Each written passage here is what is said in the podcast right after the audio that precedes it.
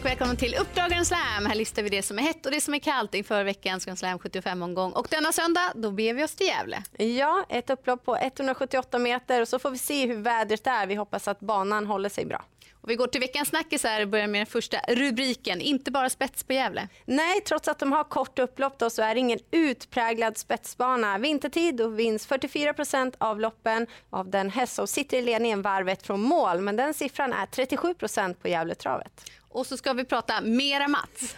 ja precis, han bara vinner och vinner. Och han leder ju faktiskt den allsvenska kuskligan i år.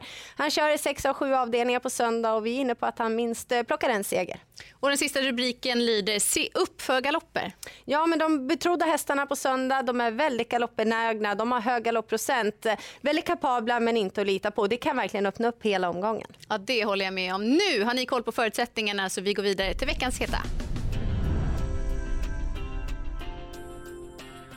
Den första avdelningen handlar om tre varv och då brukar jag trycka lite extra på att det är viktigt att hästarna har presterat över långdistans. Vi har just en sådan häst i den här avdelningen. Det handlar om åtta Starstruck.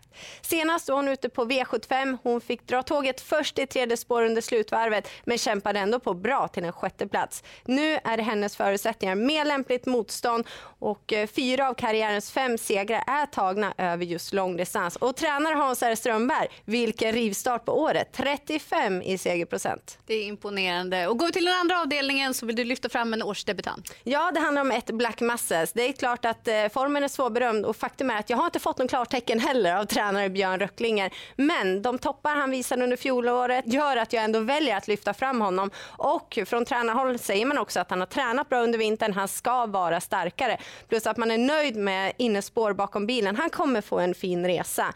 Och eh, sen är det så att den här konstellationen då, Röcklinger som tränar Per Lennartsson i sulken, den fungerar fint. De vann faktiskt lopp så sent som i torsdags. Och jag vill också lyfta fram en årsdebutant i den fjärde avdelningen och det är nummer fyra, Quantity of Time. Jag tycker uppgiften ser väldigt lämplig ut. Det är ett litet fält, det är bara ston och hon har ett fint utgångsläge. Hon har visat att hon trivs i spets, hon är obesegrad efter tre försök där och jag är inne på att hon kommer dit och då får bestämma en bit av loppet. Så att även om det inte är någon toppform så här i årsdebuten så tror jag att hon har bra möjlighet att leda loppet runt om.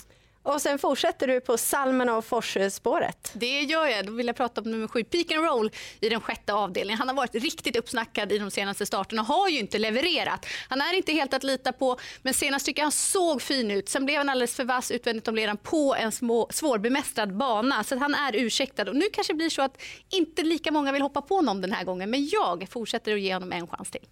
Och den sista heta hittar vi hos veckans profil som har tre intressanta hästar till start. Det har han verkligen. Claes Sjöström och så här säger han om sin trio.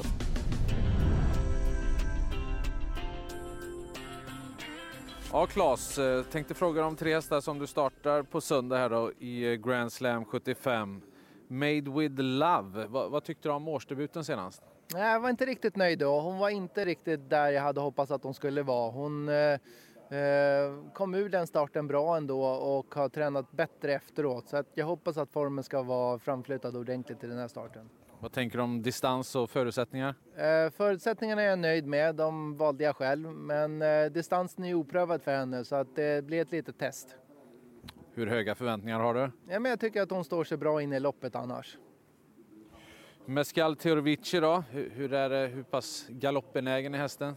Ja, men lite oroande mycket nu på slutet. Näst senast så, så trodde jag att jag hade förklaringen men eh, kom ut senast och var inte där jag trodde att han skulle vara och han hoppade igen. Och lite utan förklaring tyvärr. Så att vi kommer prova lite ändringar eh, både i balans och med vagn. Och, och han har tränat fint efter starten så att jag hoppas att det är tillfälligheter och att vi ska kunna komma mer rätt på det nu. Eh, spår 1 Eh, inte jättebra för honom. Han eh, har visat sig öppna medel så att eh, fokus blir på att köra felfritt och så får vi lösa det under vägen efter bästa förmåga. Hur mycket vågar du tro på den här då?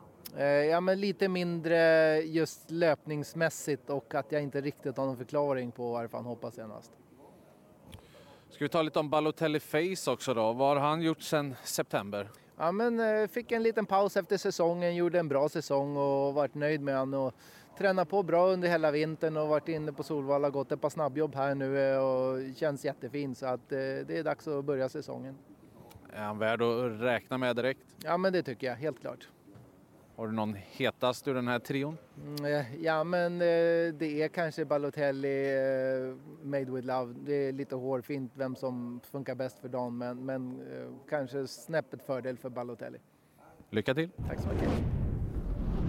Bra snack från Claes Sjöström och vi är inne på samma spår. Balotelli Face är bästa chansen. Han är väldigt bra, han har bra läge och han vann faktiskt årsdebuten i fjol. Det gjorde han. Nu går vi vidare i programmet. Här kommer veckans Kalla.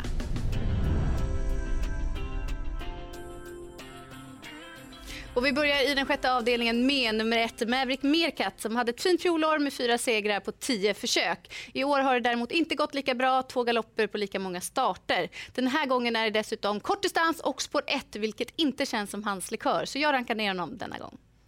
Och I den sjunde avdelningen sa har nummer sju Red Hot Roaster, tre segrar på de fem senaste starterna. Men nu tycker jag att uppgiften ser tuffare ut. Tror inte att han kommer till ledningen och dessutom så trappade han travet till slut i den senaste starten, vilket oroar. Dags att runda av programmet och vad är det hetaste från oss? Jag har ju min duo då. Per Lennartsson och Björn Röcklinger. De är heta för dagen. Och eh, nummer ett Black Muscles i den andra avdelningen gör en intressant årsdebut. Och jag har ju min duo jag tror på. Petter Salmela och Mika Fors. Quantity of time och Peak and roll. Och sen får vi se då om favoriterna håller sig i rätt gångart eller om de tar till galopp. Lycka till i jakten på sju rätt när det kommer till Grand Slam 75.